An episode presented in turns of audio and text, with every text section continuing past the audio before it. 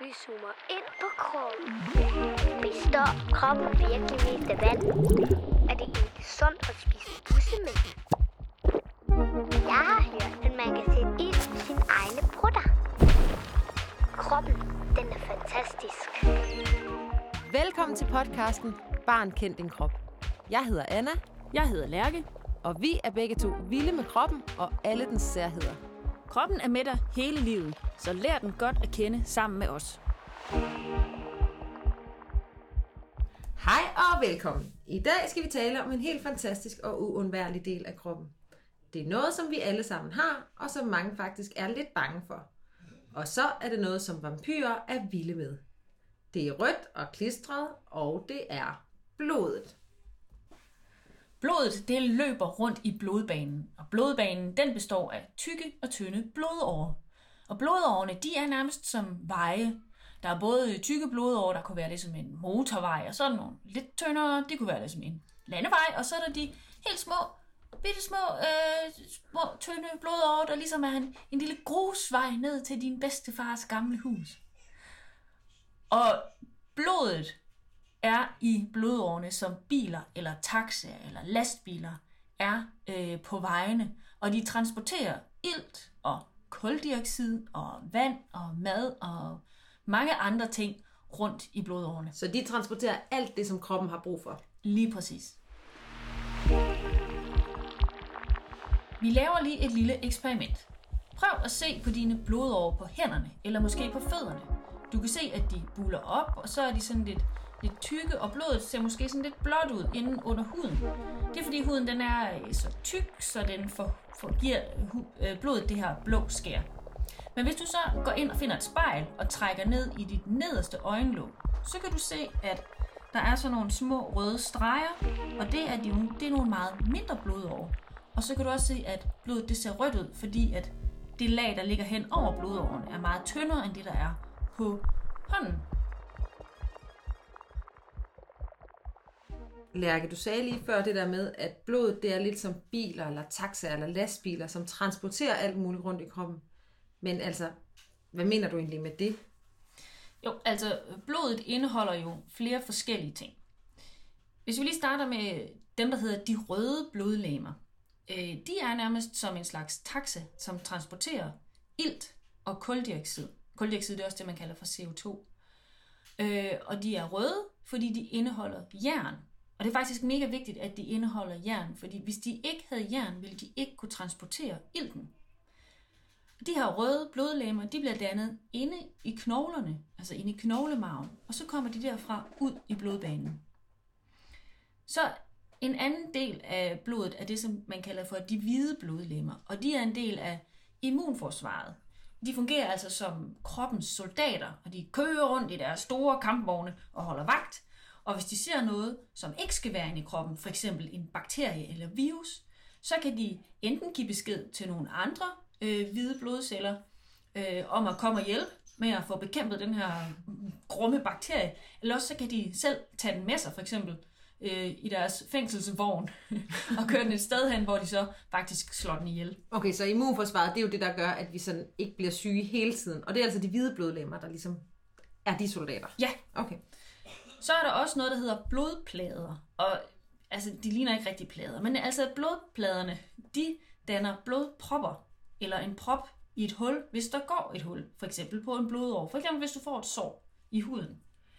Øh, men det kan også være, du har hørt om det her, der hedder altså mere blodpropper, som er inde i kroppen. Ja, altså det er noget, som nogle gange gamle mennesker også nogle gange får. Ja. ja. Jamen, Det kan være en blodprop i benet, eller i hjertet, eller måske i hjernen. Øh, og de bliver dannet, hvis der ligesom er noget, der er galt inde i blodårene. Men altså er det de her blodplader, der danner de propper på en måde? Ja, det kan Ja. de nemlig. Men altså så kunne man måske sige lidt, at hvis man fik en blodprop i en blodår, så var det lidt ligesom, at en af de her veje, de blev spærret. Altså, så måske var det en motorvej, og så blev hele motorvejen spærret, og så alle de biler, der kom med vigtige ting, de kunne slet ikke komme forbi. Nej, så måtte de nemlig finde en anden vej, og så kunne de ikke komme hen med de, alle de vigtige ting til dem, som skulle have det. Og så den ting, der skulle have tingene, ville jo få et problem. Ja. Nogle gange kan man også godt, kan vejspæring også ligesom måske kun fylde halvdelen af vejen, så blodet godt kan finde vej udenom. Så det var ikke alting, der kan komme forbi, Ej. eller der kommer en lang kø. Ja. Den sidste vigtige del af blodet, som jeg lige vil fortælle om, det er det, som hedder plasma. Og det er ligesom den slags vand eller væske, som alle de her forskellige slags blodceller, de svømmer rundt i, og det er også det, der gør blodet flydende. Men og inde i plasmaet er der faktisk også ting, som bliver transporteret rundt. Okay. Det er altså en lille smule indviklet, men Ja. der er røde blodlæmer? Ja. hvide blodlæmer, plasma og blodplader. Ja. Okay. Blodet, det kører rundt i kroppen hele tiden. Det er ligesom en karuseltur, som det bare tager om og om og om igen. Og altså, hvis vi nu starter i hjertet, så bliver blodet pumpet til lungerne, hvor ilten kommer fra luften, ind i lungerne og ud i blodet. Men Lærke, hvad er det egentlig, der pumper blodet? Det gør hjertet. Ah, okay, så hver gang det slår, så skubber det ligesom blodet rundt i kroppen Ja, på karuselturen. Ja, nemlig. Og så kommer det nemt faktisk tilbage fra lungerne til hjertet, hvor det så bliver pumpet med et ekstra kraftigt slag, kan man sige. Det kan vi snakke om en anden dag, det der med, hvordan hjertet fungerer. Men så bliver blodet pumpet ud til resten af kroppen, hvor det så afleverer ilt ud til de forskellige organer og tager affald fra organerne. Og det kan typisk være øh, koldioxid, CO2. Øhm, og det tager det med videre. Ude ved tarmene, der vil det så optage mad og vand og mere. Det kan du høre om i afsnittet om maven og tarmen. Og når det kommer forbi nyrerne, så afleverer det øh, vand, og det afleverer affaldsstoffer, som det har hentet rundt omkring i kroppen. Og det var faktisk noget af det, vi snakkede om i forhold til det med tis. Ja, Ja. lige præcis. Øh, og i leveren, der kan det så også både aflevere affald, og, eller ting, der skal nedbrydes, men også øh, for eksempel, hvis der nu er rigtig meget sukker fra tarmen, så kan den også lægge det ind i leveren på lager til senere.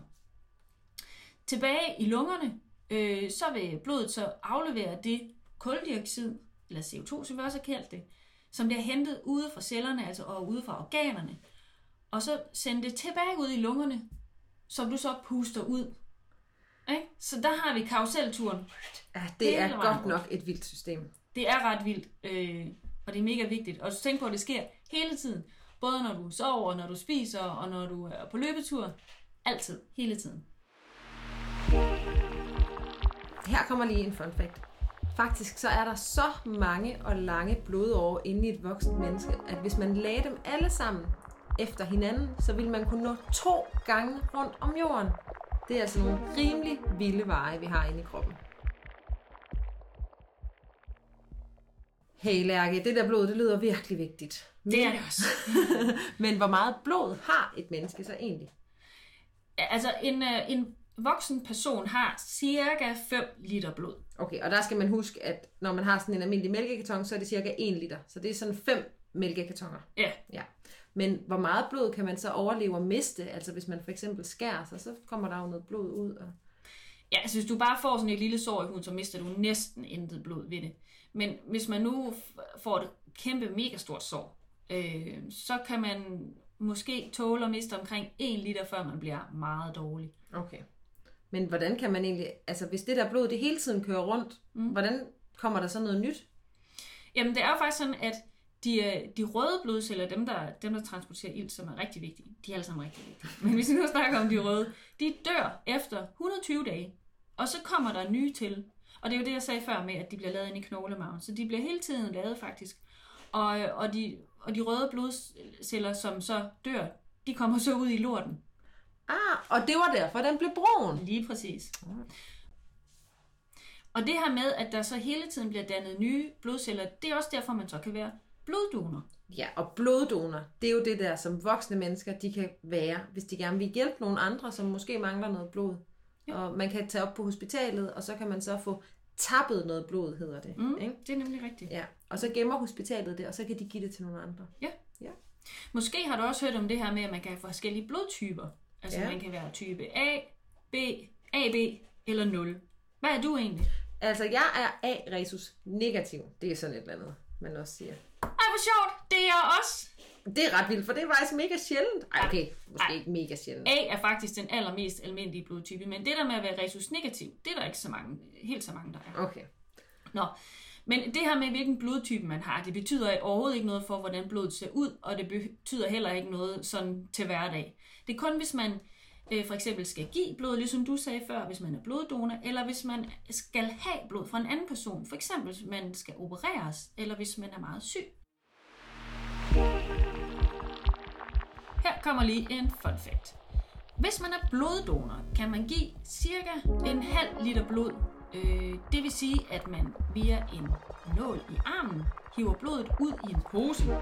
Og de her halve liter blod, det svarer til to skolemælk.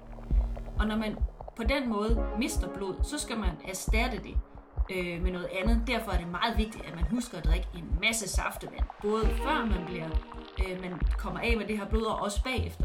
Og så skal man også huske at spise chokolade. Men altså desværre, du må vente til du bliver voksen. Nå, men det er jo noget med, at blodet det løber ikke kun rundt langt inde i kroppen, hvor vi ikke kan se det. Man kan faktisk godt se det sådan lidt gennem huden, og ikke kun ved blodårene. For eksempel, hvis nu man bliver generet, så kender du så godt det der med, at man får meget røde kinder, Lærke? Ja, ja, og der er nogen, der bliver meget røde i kinderne, og nogen bliver ikke så meget røde i Ja, jeg bliver ret rød i kinderne, når det er, jeg bliver generet. Øhm, men det kan også være, at man for eksempel, hvis man bliver bange, så forsvinder noget af blodet, og så bliver man meget bleg. Mm. Ja. Ja. Det kan, også, det kan også være det her med, at man, er, man kan også blive meget rød i huden, hvis man nu har været ude i kulden, og så kommer ind i varmen. Fordi grunden til, at, huden, eller at blodet så også strømmer mere ud i huden, det er faktisk, hvis det er så koldt, så er de bange for, at, at huden tager skade, hvis det er for koldt, men så, så kommer blodet fisende til med noget varme, for at varme huden op. Ja, sådan så huden ikke får en forfrysning, for eksempel. Det er jo meget sødt af blodet. Ja, det er faktisk meget sødt af blodet. Og det her med at blive bleg, det kan man faktisk også godt blive, hvis man har en sygdom. Hvis man en sygdom, hvor man mangler blod, Ja. så vil man også typisk føle sig sådan rigtig træt og skidt tilpas. Ja. Og jeg kom lige til at tænke på, der er jo også nogle steder, hvor man virkelig tydeligt kan se blodet, for eksempel i læberne. Nå ja. Ja. Er det, fordi huden er meget tynd, eller hvad? Ja. ja. Nu skal vi lige til et lille eksperiment, du kan lave på din egen håndflade. Du kan se på den, at den er rød, og det er fordi blodet er ude i huden. Men hvis du nu knytter din håndflade, din hånd hårdt, mens du tæller til 10, 10, og så åbner du hånden igen. Nu kan du se, at den er blevet mere hvid, og det er fordi blodet er blevet presset væk. Men så efterhånden, som du har haft hånden åben, så bliver den rød igen, når blodet strømmer tilbage. Okay, blodet er altså en virkelig vigtig ting, som strømmer rundt i hele kroppen på en hel masse veje af forskellige størrelse. Blodårene. Blodårene, ja. Og der er nogle forskellige ting inde i blodet, som gør forskellige ting og bliver lavet forskellige steder. Og det er noget, som både er med til at få kroppen til at holde sig kørende, men også faktisk er med til at passe på, at man ikke bliver syg. Ja. Ja. Øh, og så kan man faktisk godt undvære noget af sit blod, fordi der bliver også hele tiden lavet lidt nyt. Ja. Ja. Men nu kommer det uundgåelige spørgsmål. Kan man leve uden sit blod? Det korte svar er nej. Nå, skal vi blive ved det, eller vil du forklare lidt?